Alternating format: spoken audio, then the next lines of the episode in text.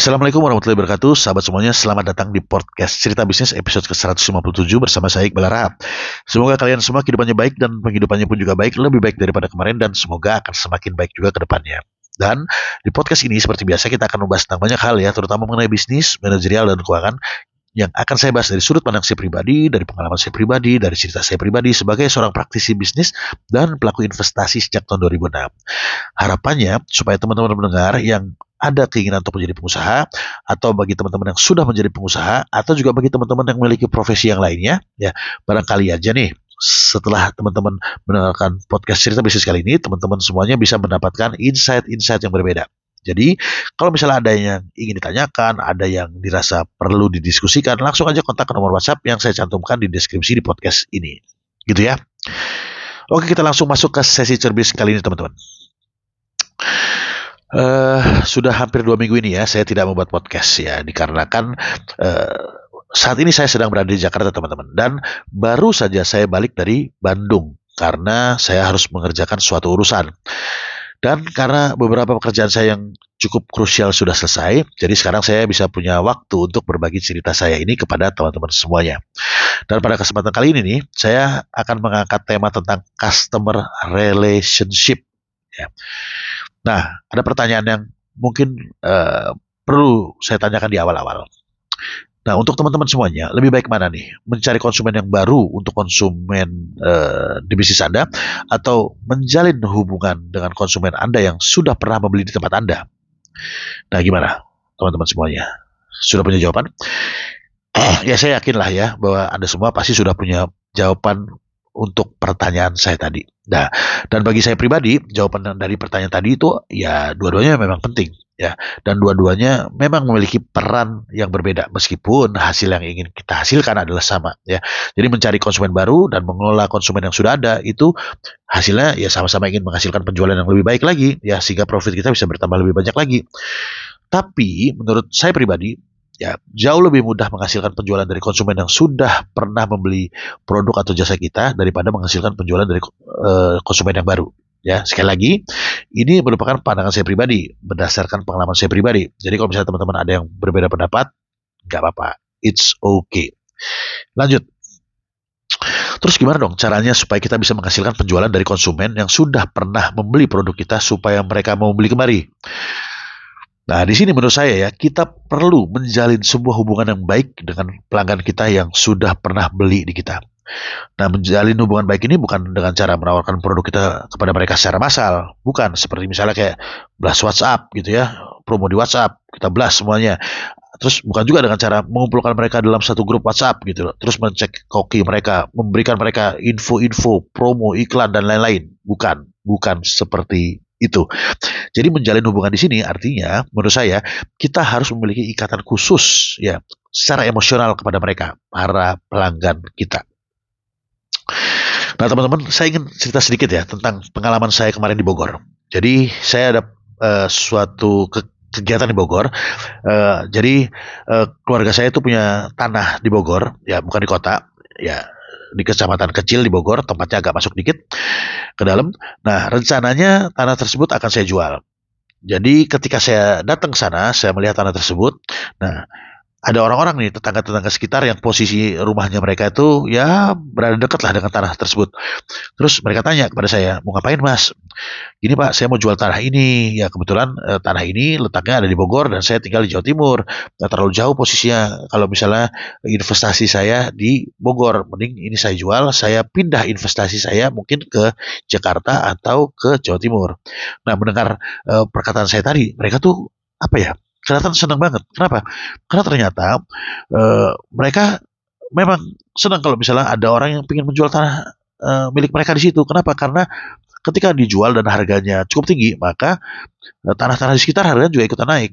Ya, jadi mereka senang kalau misalnya memang ada orang pemilik tanah yang memiliki tanah di sekitar situ ingin menjual tanah mereka. Karena dengan uh, penjualan yang nilainya cukup tinggi, maka tanah mereka juga angkanya juga cukup terangkat uh, naik juga harganya yang tadinya mungkin uh, 100 rupiah naik jadi ya ngikutin lah dengan harga penjualan kita Nah, karena mereka seneng, mereka tuh ngomong tuh, mereka cerita banyak. Jadi tanah di sekitar sini harganya tuh sekian mas. Ya kalau mau dijual bagusnya di angka sekian. Jadi mereka menyaran, memberi saran gitu loh untuk harga yang perlu dijual tuh bagusnya harga berapa. Terus uh, mereka apa ya menjamu saya. Jadi mereka mengundang saya ke salah satu rumahnya warga. Terus saya diajakin makan di situ. Dan kebetulan ya para uh, masyarakat di sekitar situ uh, mata pencariannya tuh petani. Jadi uh, ada yang Uh, saya dikasih rambutan, dikasih mangga, makan bareng sambil cerita-cerita di situ. Mereka nanyakan tentang saya di Surabaya itu di mana, di Malang itu di mana, dan lain-lain lah. Artinya saya tuh disambut baik dengan mereka. Dan uh, karena apa? Karena mereka merasa bahwa kehadiran saya bisa memberi solusi kepada mereka. Kalau saya bisa menjual tanah uh, tersebut dengan nilai yang cukup bagus, maka harga mereka juga naik. Dan saya sendiri juga senang gitu loh, karena kehadiran saya disambut di situ dengan baik dan apa ya? Saya merasa bahwa saya bisa memberikan uh, solusi uh, bagi mereka. Ya, jadi sini ada win-win solution lah di sini. Jadi saya senang, mereka senang. Nah, ini namanya membangun relationship. Ini menurut saya loh ya. Nah, demikian juga ketika kita ingin membangun sebuah hubungan yang lebih dekat lagi dengan konsumen kita, maka apa ya? Kebanyakan konsumen kita tuh pasti akan lebih menerima kita, ya.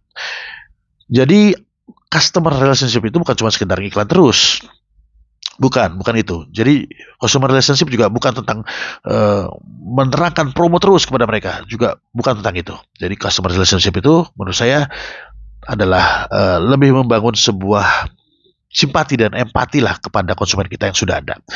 Jadi kita perlu misalnya menyapa mereka secara personal, sebut namanya. Kalau kita tahu namanya, ya pasti tahu namanya ya konsumen kita kan kita harusnya sudah punya datanya namanya siapa. Terus kita juga uh, ucapkan selamat ulang tahun kepada mereka jika mereka sedang berulang tahun. Ucapkan selamat lebaran kepada mereka jika mereka merayakan lebaran. Ucapkan juga selamat hari pernikahan kepada mereka kalau mereka sudah nikah. Sapa dan tanya kabar mereka. Jadi nganggur-nganggur sapa aja iseng-iseng tanya apa kabar Pak? Ya kabar Anda gimana? Semoga kabarnya baik-baik saja. Ya doakan juga mereka supaya mereka lebih apa ya? Ya senantiasa lah diberikan kesehatan sama Tuhan dan lain-lainnya. Intinya apa? Intinya di sini kita memperlakukan para konsumen kita itu sebagai sahabat kita, sebagai orang terdekat kita. Tunjukkan kepada mereka bahwa kita lo peduli sama mereka gitu loh.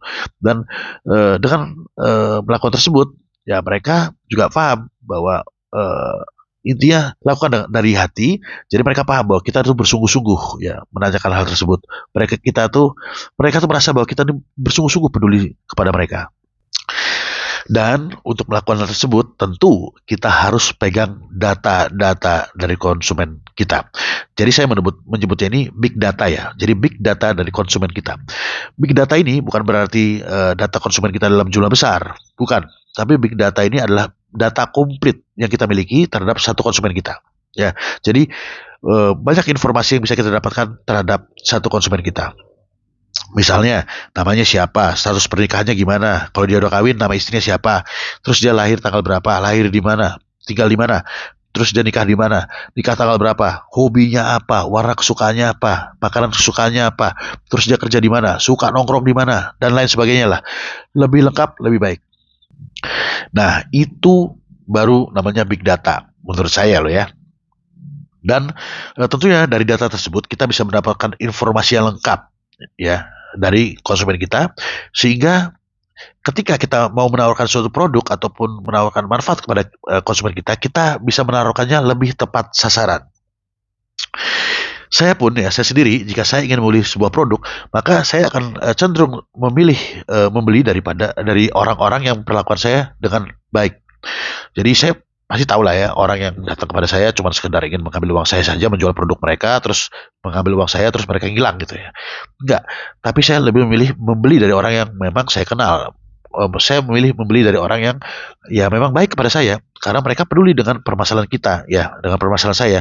Dan saya tahu bahwa mereka ingin membantu saya menyelesaikan masalah yang saya hadapi dan semisalnya ya produk yang sudah saya beli tadi misalnya bermasalah gitu ya, maka saya juga bisa komplain dengan enak. Ya kenapa? Karena saya komplain kepada orang yang memang mereka paham masalah saya, mereka peduli dengan masalah saya, sehingga mereka bisa lebih sabar menghadapi komplain saya.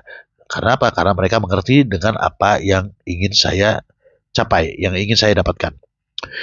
Jadi, ya, jadi jika Anda adalah seorang pelaku bisnis, ya, saran saya jangan hanya fokus untuk mencari penjualan dari konsumen yang baru ya. Dan anda lupa untuk merangkul konsumen yang lama anda ya. Uh, jangan ya. Jadi apa ya anda perlu membuat suatu ikatan ya suatu menjar apa ya uh, ya tadi lah pokoknya membuat suatu ikatan emosional terhadap konsumen lama Anda sehingga mereka mau kembali kepada Anda membeli produk Anda lebih banyak dan lebih sering lagi. Karena bagi saya pribadi lebih mudah untuk merangkul kembali konsumen yang lama dari bisnis saya ya daripada saya harus uh, mencari konsumen yang baru.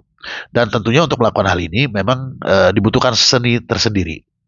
Dan kegiatan ini membutuhkan hati, membutuhkan empati. Maka Uh, tanyakan dulu lah kepada diri Anda semuanya ya, sebagai pelaku bisnis, apakah diri Anda memiliki jiwa untuk melayani? Apakah Anda memandang konsumen Anda itu sebagai mesin uang Anda saja atau sebagai sahabat Anda? Nah, coba Anda jawab dulu ya, karena uh, kalau misalnya Anda memang uh, menganggap mereka sebagai sahabat Anda, tentu ya hal ini akan lebih mudah Anda lakukan. Dan sebelum saya tutup, saya tambah sedikit ya teman-teman ya. Uh, saya pernah punya bisnis kuliner. Jadi saya pernah punya kafe ya. Jadi saya pernah punya kafe. Saya juga sekarang punya bisnis kuliner, tapi format bisnis kuliner saya sekarang rumah makan. Dulu format kuliner bisnis saya adalah kafe. Saya itu uh, cukup dekat dengan para pelanggan saya. Jadi saya menganggap mereka sebagai teman. Uh, saya memang nongkrong di kafe tadi ya. Jadi saya ketika ada konsumen datang saya sapa sendiri gitu loh. Saya lebih banyak menyapa uh, konsumen yang datang ke kafe saya. Uh, saya ajak ngobrol, terus saya sediakan ya banyaklah hal-hal yang membuat mereka nyaman. Jadi saya sediakan misalnya kayak peralatan band ya, uh, secara akustik lengkap di situ di kafe saya. Jadi seperti gitar, terus bass, ada kahon, terus ada mikrofon, ada mixer dan lain-lainnya lah, sound system dan lain-lain saya sediakan di situ.